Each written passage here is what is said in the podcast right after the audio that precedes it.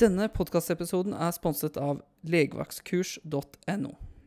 Norges største tilbyder av obligatorisk, godkjent akuttmedisinsk opplæring for helsepersonell og andre. Sjekk deres nettside på legevaktkurs.no. AK, dette ambulanse. Pasienten er respiratorisk og sirkulatorisk stabil. Vi kommer inn med én pasient. Du puster for fort! Hva gjør det med en? Og hvordan kan vi lære av andres feil? I dagens podkast har jeg invitert paramedic Thomas Gren. Han skal fortelle om hvordan det er når oppdraget går galt, og hvordan det er å få advarsel fra Helsetilsynet. Hjertelig velkommen til en ny episode av podkasten Du puster for fort. Med meg i dag så har jeg med meg deg, Thomas. Hallo, hallo. Thomas Gren, takk for at du ville komme på og, og prate med oss i Du for fort. Du, det er veldig hyggelig å bli invitert til å komme hit. Tusen takk skal du ha. Jeg husker jo eh, når eh, Før, ti-tolv år siden, så var du med på en serie, Sykehuset, på TV3. Ja, det, ja, tenk på det. Det er ti år siden. Tida flyr, og jeg begynner å bli grå i håret. Så det er riktig. Mm. Du var jo en av uh, virkelig uh, Du var en god ambassadør, egentlig, i den serien. Og jeg husker at uh, når jeg så den serien, så hadde jeg veldig lyst til å begynne i ambulansetjenesten. Og det gjorde jeg etter hvert òg. Ja, det er jo utrolig hyggelig at du liksom sier det, da. For det var kanskje det som var min egen motivasjon for å bli med på den serien. Det var jo kanskje vise befolkninga litt om hvem vi var. Eller hvem, ja, hvem vi er. Etter en, en eller flere litt sånn negative omtaler i media. Eh, annet Sofienbergpark-saken, som jeg ikke hadde noe med å gjøre. Men, men det var liksom veldig negativt for ambulanseyrket i sin helhet. da. Jeg husker veldig godt eh, en episode hvor ja, vi kjørte tomme hjem fra Rikshospitalet, skulle tilbake til Lørenskog ambulansestasjon. og Det var rett etter Sofienbergpark-saken. Og da ble vi kjørt forbi av en bil med ungdommer, hvor liksom alle viste oss fingeren, og de skulle liksom tydeligvis drive litt gjøn med oss. Og det, det, satte skikkelig spor. Det var utrolig ubehagelig. Så da ville du være med å gjøre noe, og så vise hvordan vi egentlig jobber i ja. den serien, da? Ja, prøve å gi et ærlig bilde på hvordan vi opererer, og hvordan vi jobber. Ja. ja. Men det er jo ikke derfor du er her, Thomas. Um, for um, ti år siden pluss mm. så blei egentlig uh, litt livet ditt snudd på hodet. Ja. ja akkurat da. Uh, du var på et uh, rutineoppdrag. Mm. Um, du har også stått fram i Ambulanseforum med dette her. En veldig sterk historie. Ja. som jeg egentlig vil høre litt mer om. Mm. Kan du fortelle litt hva som egentlig skjedde for, for ti år siden? Ja, det er jo ti år siden, og det er klart alle detaljer sitter vel ikke like klart i huet. Men um, det var i hvert fall en helgevakt, og det hadde vært ganske hektisk. Uh, vi jobba jo døgnvakter på den tida der, og vi hadde stort sett kjørt hele natta. Klokka var kvart over fem. Uh, og da får vi utrykningen Kode 3 til en mann i 40-årene som um, var svimmel og oppkast og, og uvel. Og på vei ut til pasienten så ringer de eh, ringer AMK eh, og beklager at eh, vi i det hele tatt måtte reise ut til pasienten. De hadde prøvd da, å, å, få han til å komme seg til legevakt sjøl, alternativt kontakte fastlege på morgenen. Da. De anså liksom ikke som nødvendig med ambulanseutrykning. Um, men allikevel så kjører vi ut, sånn som vi blir anmoda om å gjøre. Uh, møter en pasient. Han er uh, sengeliggende. Forteller om uh, symptomer som jeg egentlig tolker nesten som en omgangssjuke. Um, på den tida så kjørte jeg med en assistent. Han skulle opp til fagprøven. Så jeg lot jo han være i forgrunnen på undersøkelsen. Og han gjør en ryddig ABCDE-undersøkelse. Um, vi gjør en eh, FAST-undersøkelse. Det er jo det verktøyet som vi har på den tida. Som i og for seg er samme verktøy man bruker i dag i store deler av Ambulanse-Norge. Eh, og det gir oss ikke noe særlig funn. Vi, eh, I og med at han er svimmel og uvel, spør om han er i stand til å bevege seg rundt i rommet, og det, det gjør han jo. Han forteller oss at han har vært på WC, og Eh, og det går helt fint. Han, eh, han er svimmel, men jeg tenker at det er ikke noe verre enn sånn som når jeg er sjuk. Da blir jeg også ganske dårlig og uvel da. Så um, vi skriver en journal um, og avtaler med han og kona, uten at vi egentlig fanger opp at de egentlig ikke er enig i beslutninga vår, om at han blir hjemme og, og tar kontakt med sin egen lege. Um, for dette var natt til mandag at han kontakter fastlegen sin da morgenen etter hvis han ikke er noe bedre. Um, og det blir han jo ikke, så han tar jo kontakt med egen fastlege. Og så vidt jeg forstår, så har han vel en time hos han, og fastlegen skriver ut litt uh, kvalmestillende legemidler til han. Og videre så blir han betydelig dårligere på ettermiddagen og utover mot kvelden, så han tar kontakt med en privat legevakt i Oslo og får time der. Og der blir man litt oppmerksom på at det kan ha sammenheng med et hjerneslag å gjøre, så han blir sendt i ambulanse tilbake til Ahus. Og da skulle det jo vise at uh, det var uh, et uh, hjerneinfarkt i høyre del av lillehjernet. Mm. Hvilke tanker gjorde du deg ut klokka fem om morgenen, ut på en kode tre, da? Ja, nei, det er jo et rutineoppdrag. Uh, jeg har tenkt mye på i etterkant eh, at det er litt negativt det der med hvordan vi kollegaer kan påvirke hverandre på vei ut til et oppdrag. Uh, I det tilfellet her var det AMK da, som ringte og beklaga seg litt, og sjøl mente at det var litt unødvendig. At det kanskje at man har en litt sånn forutinntatt holdning når man kommer inn døra. Det kan tenkes. Mm. Men det dette endte med, var jo at det ble en klagesak etter hvert. Ja, mm. det var vel på sin plass. Ja. Mm. Eh, hvordan hvordan blei det en klagesak? Klart at eh, vi burde jo ikke latt eh, pasienten være hjemme. Eh, nå skal det sies at det er ganske vanskelig å fange opp eh, infarkter i lillehjernen. Og for ti år sia så hadde vi jo kun fast. Eh, og fast er jo ikke spesielt god på å fange opp skader i lillehjernet. Det er jo ikke noe der som går på koordinasjon eller nødvendigvis balanse på samme grad. Jeg er jo en forkjemper for at Ambulanse-Norge skal starte med NIS. Eh, har vi hørt eh, Maren i tre podkaster tidligere, og hun har jo vært en stor inspirator. Eh, så det er et verktøy som vi må få på plass i Ambulanse-Norge fortest mulig, fordi den fanger opp eh, nettopp områder i eh, bl.a. Lillehjerne. Mm.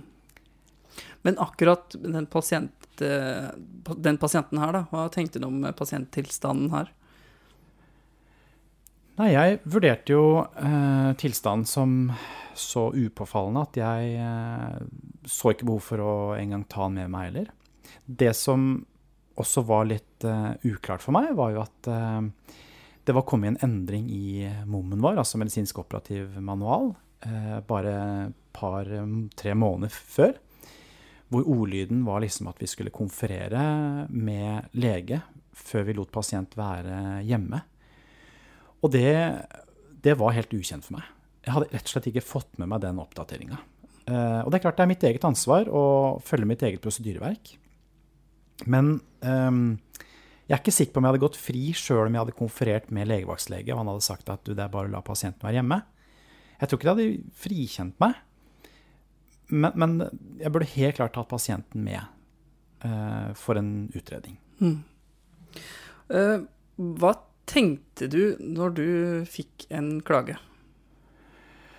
Ja, det er vel enhver uh, enhver helsepersonells største krise, tror jeg.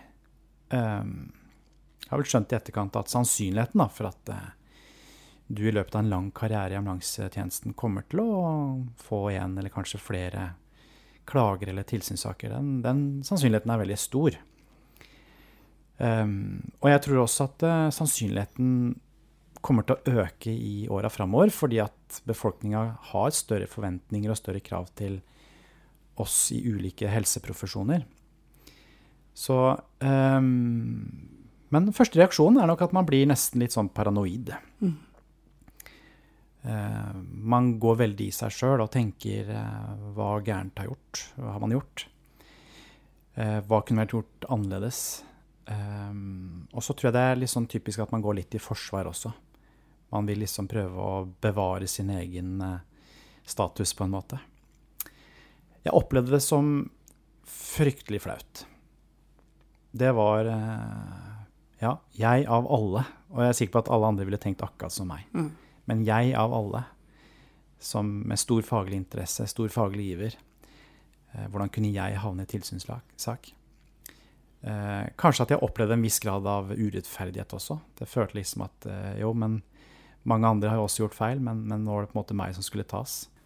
Det som også kom opp i etterkant, var at eh, pasient og pårørende påstår at eh, de er informert om at uh, pasienten hadde holdt på med dykking da, uh, dagen i forkant. Um, jeg hørte ikke noe om det. Jeg fikk ikke det med meg. Makkeren min hadde heller ikke hørt det. Um, AMK hadde fått beskjed om at han hadde holdt på med dykking dagen før. Men den beskjeden blei ikke gitt oss på telefon, og det sto ingenting om det på AMIS. Så her er det på en måte en viss grad av uenighet. Det kan jo være at jeg hadde tenkt tanken dykkesyke pga. svimmelhet. Um, og at jeg på bakgrunn av det hadde tatt han med meg inn uh, for en sjekk, altså. Og en vesentlig eh, informasjon som uteble fra ankomstens side? Ja, virkelig, altså. Hvordan var det klagen ble tildelt deg? Ja, det som Ja, det var på vanlig måte. Det er jo um, det er jo da en underretning fra pasient via legesystemet som sender en henvendelse til fylkeslegen, så vidt jeg veit. Som da ber eh, om en gjennomgang eh, i saken da, mot min arbeidsgiver. Og da innhenter de jo den ambulansejournalen via AMIs eh, nummer og dato og tid og sted. Og så blir da de involverte varsla. Da. Og da fikk vi beskjed om at det var uh, muligens en klagesak på gang, og at vi ble kalt inn til et intervju. Um, og, og, hele klagesaken blei jo uh, litt mer og mer styr enn du hadde sett for deg etter hvert? Ja, altså vi Dette her skjer jo omtrent en måned etter at vi har vært på besøk hjemme hos pasienten. Og vi blir kalt inn til uh, møte bare et par uker etterpå. Det er en uh, assisterende uh, lege i ambulansetjenesten på den tida der. Så vi går gjennom egentlig alle sakens sider, og vi får gitt vår forklaring på, noe, på dette her. Um, da kommer det jo også fram da, i, um, i klagesaken om at pårørende er oppfatta som egentlig litt uh, lite imøtekommende. Og de var ikke enig i den beslutninga som vi hadde tatt. Og det syns jo jeg personlig er veldig leit. At noen har oppfatta meg som ja, uh, som, løt, altså som, litt ovenfra og ned, kanskje. Um, og så er det sånn at man får en svarfrist, da. Uh, man skal uttale seg og sende dette innen en dato. Det var da i slutten av sommeren, faktisk. Og det som nå skjer, er jo at eh, arbeidsgiver de glemmer jo faktisk å sende saksdokumentasjon tilbake til Helsetilsynet. Og det er nok litt av grunnen til at pasient blir litt provosert over at han ikke får noe tilbakemelding, han får ikke noe svar, eh, så han hender seg til media. Og eh, går da til en avis. Det som er litt tøft, er jo at min daværende klinikksjef eh, uttaler seg jo eh, til media. Og daværende fylkeslege eh, kom jo også med en ganske voldsom uttalelse i media. Hvor alvorlig saken er. Det kan jo godt være at min arbeidsgiver rett og slett har glemt, eller at det var noe svikt i noen informasjonsrutiner, men jeg, jeg visste ikke at denne saken kom til å bli omtalt i media. Det hadde vært utrolig greit å vite. Hva tenkte du når, eh, når du så mediesaken, da? Ja, jeg, jeg, Det som var ubehagelig, var at jeg hadde vakt uh, Jeg hadde vakt på intensivambulansen på Lørenskog. Ja. Um, og så er det en kollega, en av få kollegaer som har kjennskap til saken, som ringer meg i bilen og sier at uh, Thomas, jeg tror det står om, uh, om saken din i, i, avisen i dag. Og da mister man litt blodtrykket sitt. forferdelig ubehagelig. Og heldigvis er vi ledige, vi har ikke noen pasient om bord, så vi stopper på første og beste Statoil-stasjon. Og jo da, det er førstesideoppslag. Det er blåst utover hele en av Norges virkelig store aviser. Så tar det ikke så veldig lang tid før jeg får ny telefon fra stasjonen, og det er kanskje om at eh, Om jeg kanskje ikke nødvendigvis bør komme på stasjonen nå, fordi NRK står på utsiden av stasjonen og filmer. Og det som skjer inni hodet mitt nå, er jo at eh, jeg ser for meg at jeg er gjenstand for en ny Sofienberg-sak. Ja, For dette var bare, vi må minne om at dette er bare et år etterpå. Ja, det er ett år etter Sofienberg-saken. Mm. Mm. Og da blir man litt paranoid. Da er det ganske naturlig at man går litt i dekning, litt i skjul. Mm. Fortsatte du jobb etterpå, eller? Ja, det gjorde jeg. Ja. Jeg uh, fortsetter. Men jeg blir veldig redd. Mm. Veldig redd. Nesten litt redd for pasienter. Redd for akutturer. Kvekker til når eh, alarmen går. Jeg håndterer det bra. Jeg får ikke noe klager i den jobben jeg gjør disse månedene etterpå. Um, men jeg mister litt trua på meg sjøl. Jeg mister litt trua på mitt eget fag. Hvor god jeg faktisk er til å utøve jobben min. Det var utrolig ille. Jeg tapte litt kontrollen, på en måte. Mm. Det var ikke noe bra. Um, og så går tiden da fra, fra du får klagen, medieoppslaget kommer, um, og så blir det en helsetilsynssak. Hvordan var den tiden her? Ja, det, da står du på en måte bare og venter på å få et svar da, fra Helsetilsynet. Um, og den tiden uh, er jo ganske lang. Um, man er veldig usikker. Uh, man tenker over alle konsekvenser. Det skal jo sies at uh, jeg ganske kort tid i forveien av denne saken hadde vært i en skilsmisse. Og det også i seg sjøl var veldig belastende. Eh, fordi at man mister jo nettverk, og man mister jo familie og ja, venner. Så man blir plutselig liksom litt mer overlatt til seg sjøl med egne tanker. Du nevnte noe om uh, det her med kjendisstatus i stad. Uh, og jo da, uh, på mange måter så uh, blei man litt sånn minikjendis, i hvert fall i sitt eget nærmiljø.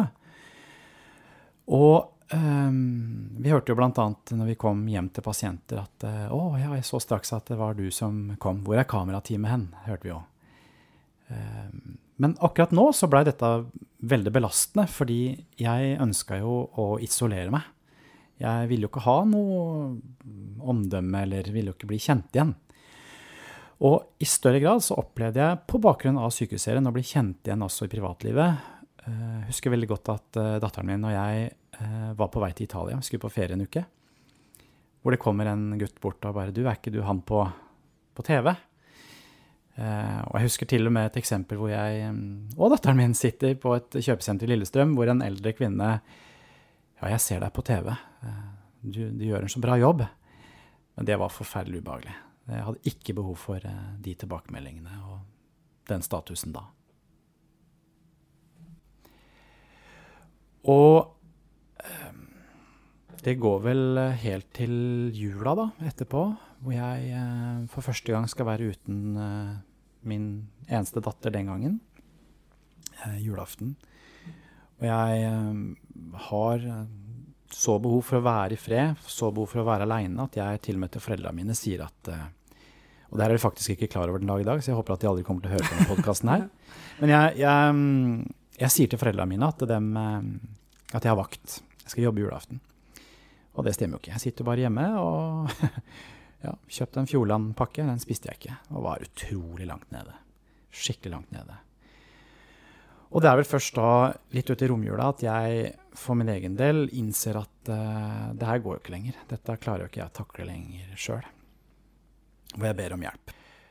Ja, så jeg blir faktisk så dårlig at jeg blir, uh, jeg blir sjukmeldt og er borte ganske lenge. Eh, mens jeg går og får eh, terapi. Og mm, jeg har fortsatt ikke fått noe svar fra Helsetilsynet, så jeg eh, går jo bare i spenning. Og venter og venter og venter. Og det går jo lang tid, over et år til, før jeg liksom får den administrative reaksjonen. Og da har det blitt så ille at eh, man er faktisk redd for å åpne postkassa si. Man gruer seg for å se den logoen til Helsetilsynet på den A4-konvolutten. Eh, logoen der den tror jeg kan tegne i blinde. Mm. Hva var det du var mest redd for? Det var jo konsekvensene. Det var jo i verste fall å skulle miste autorisasjonen sin. Og at jeg mista jobben min. Hva skulle jeg gjort da? Eh, man har jo forpliktelser. Man har familie. Eh, det er sånne umiddelbare tanker som kommer. Og få eh, Altså, nå har du fått en helse... Altså, du har fått en advarsel. Hva vil det si? Ja, altså um, Det er jo ulike former for reaksjoner som Helsetilsynet kan gi deg, da. Um, det er jo administrative reaksjoner. Uh, og den blir jo ved deg noen år etterpå. Jeg tror den er borte nå. Mm. Så, og dette her er jo som sagt da det, Reaksjonen kom to år etterpå. Og da eh, fikk jeg en advarsel, en skriftlig advarsel fra Helsetilsynet. Og det, den ville jo fått konsekvenser for meg hvis jeg da hadde fått en ny tilsynssak eh, noen år etterpå. Som jeg heldigvis ikke har gjort. Um, og Det som er kanskje viktig da med denne advarselen, er at uh, i begrunnelsen så skriver de sitat i ambulanseavdelingen ved XXX sin uttalelse av XXX er det sagt at den nevrologiske undersøkelsen som blir foretatt, er klart mangelfull med tanke på å avdekke utfall i lillehjernen. Mm. Og det verktøyet du hadde da, det ja. var FAST-undersøkelsen? Det var FAST. Ja. Mm. Så det er jo på en måte kanskje en systemsvikt, da. Uh, men det som er skremmende, er jo at Ambulanse-Norge fortsatt en dag i dag bruker FAST. Mm. Uh, det burde vært helt annerledes. Uh, men på bakgrunn av at pasienten har, er svimmel og uvel, så det i seg sjøl burde være nok til at jeg hadde tatt pasienten med inn. Mm. Jeg er ikke sikker på om legevaktslegen nødvendigvis hadde sendt han inn på sjukehus. Det kan ikke jeg si men uh, forhåpentligvis. at det hadde gått bedre.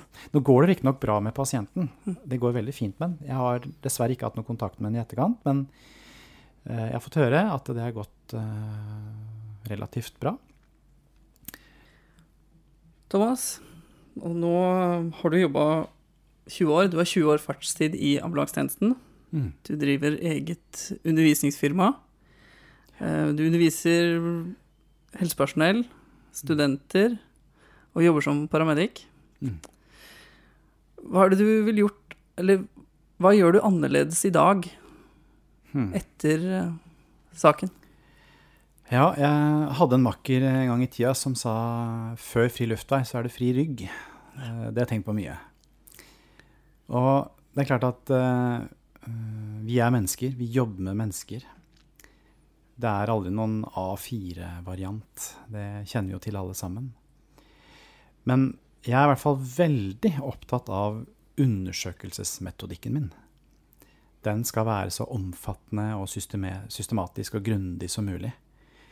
Og sjøl om jeg eh, ikke nødvendigvis har de helt store funna, så velger jeg å gjøre alle undersøkelser hver gang. Et eksempel er på en måte det å lytte på pasient sjøl om man ikke virker spesielt tung i pusten, så, så, velger jeg å gjøre det. Eh, en annen ting er det at jeg har veldig veldig lav terskel for å ta med pasienten inn til en sjekk. Det er ikke mange pasienter som jeg lar bli hjemme. Eh, og det er jo kanskje noe som jeg også håper at mine kollegaer lærer av min sak. Hvor skummelt det faktisk er, og hvor stort ansvar du egentlig har. Og ettersom jeg har skjønt, så er det vel også sånn at Helsetilsynet var vel kanskje litt lei av at sånne som meg og mine kollegaer lot litt for mange pasienter være hjemme. Det var nok en del klagesaker på bakgrunn av det, og at man ikke nødvendigvis statuere et eksempel, men i hvert fall veldig gjerne gi et signal om at eh, det her er ikke greit. Vi må ta med pasienten vår inn til en sjekk. Hva, hva slags råd gir du kolleger, da? Etter, altså med, med tanke på det her? Ja, jeg mener jo at vi har fått utlevert eh, veldig gode verktøy og systemer. Altså vi har jo ABCDE. Den er veldig omfattende og veldig god. Men hver tvil skal i hvert fall komme pasienten til gode.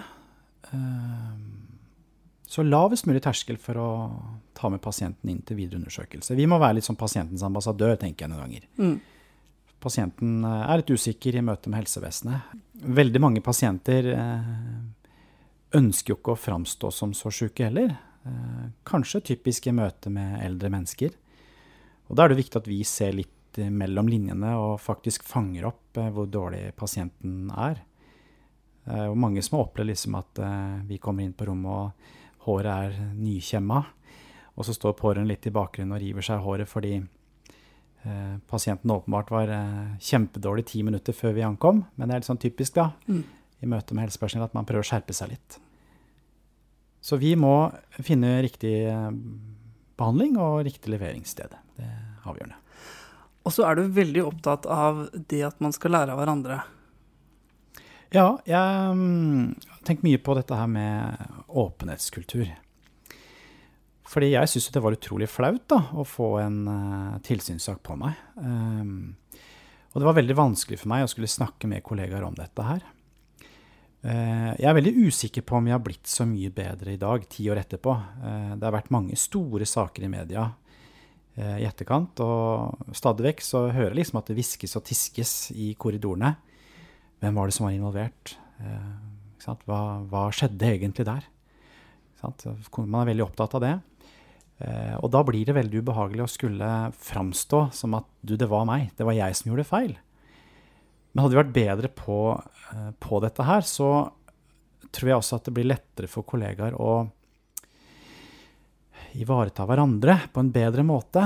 Um, kan sitte og liksom lufte ut, da. Ja på stasjonen, i bilen, om og om og om igjen. Og så opplever man liksom at man får støtte. Um, og jeg tror ikke saken min er spesielt unik.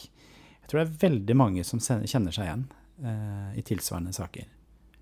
Og du snakka om i, i, du, var fly, du, var flyver? Ja, ja, ja. nei, ja. Det, ja jeg, jeg, har det er stor, eh, Stort fly? holdt på med seilflyging. ja. eh, og ja, som har fått familie, og det er ikke så lett å få til etterkant. Nå driver jeg og tar sertifikat på litt mer motoriserte fly, eh, men jeg har ikke sertifikat. Men, men, i flybransjen så er det sånn at det er en veldig god åpenhetskultur. Eh, man hører jo om fly som styrter i, på Holmestrand eller etter avgang på Hamar. Og det er klart det får ofte fatale konsekvenser. Og flymiljø blir jo veldig lei seg når dette her skjer, selvfølgelig. Men si, kulturen er sånn at alle venter jo bare på den rapporten fra Havarikommisjonen. Eh, og så fort den foreligger, så eh, Og man er delvis pålagt dette her av eh, Luftsportsforbundet. Så alle klubbene inviterer da til sikkerhetskvelder, og så går man gjennom disse her eh, havarirapportene. Og det er utrolig stor lærdom i. Eh, og da mener jeg at eh, hadde man hatt en god åpningskultur, så var det rom for å lese litt på Helsetilsynet sine sider. Jeg ser jo med stor skrekk om at saken min er jo fortsatt eh, blåst opp eh, der. Um, det var utrolig belastende den gangen, men nå i ettertid så tenker jeg at så bra. Da kan andre lære av mine feil. Um, at man har på en måte med jevne mellomrom møter i ambulansemiljøene, på stasjoner, eh, områdevis, eh, og går gjennom sånne saker, sånn at alle kan lære. Og så må vi tørre å si fra om at det var jeg som var involvert. Dette er skikkelig tøft, dette er skikkelig ille for meg. Har du gjort noe selv i forhold til uh, ytre ønske om å starte noe hjelp i forhold til Fagforbundet, Delta, arbeidsgiver eller sånne ting? Kanskje startskuddet gikk når jeg åpna meg i Ambulanseforum da i høst. Ehm, det har gitt utrolig god respons eh, blant kollegaer. Jeg har fått henvendelser fra ja, tjenester rundt det hele med spørsmål om jeg kan komme og prate om saken min. Og um, kanskje responsen har vært litt lav fra min egen arbeidsgiver. Um, men jeg har i hvert fall ytra og signalisert at det er behov for det, men det er foreløpig ingen som har tatt ordentlig tak og organisert et sånt type arbeid. Jeg håper jeg blir spurt. Jeg vil veldig gjerne være med å lage et system. Mm. Til slutt, Thomas. Noe jeg spør uh, gjestene mine om i Duppes for fort. Mm. Hva gjør en ambulansearbeider eller en paramedic god? Ja, det er tidenes spørsmål, altså. Du, jeg har tenkt uh, Altså, vet du, det fins jo uh, Det fins prester som ikke tror på Gud. Uh, og de kan jo ikke være spesielt overbevisende.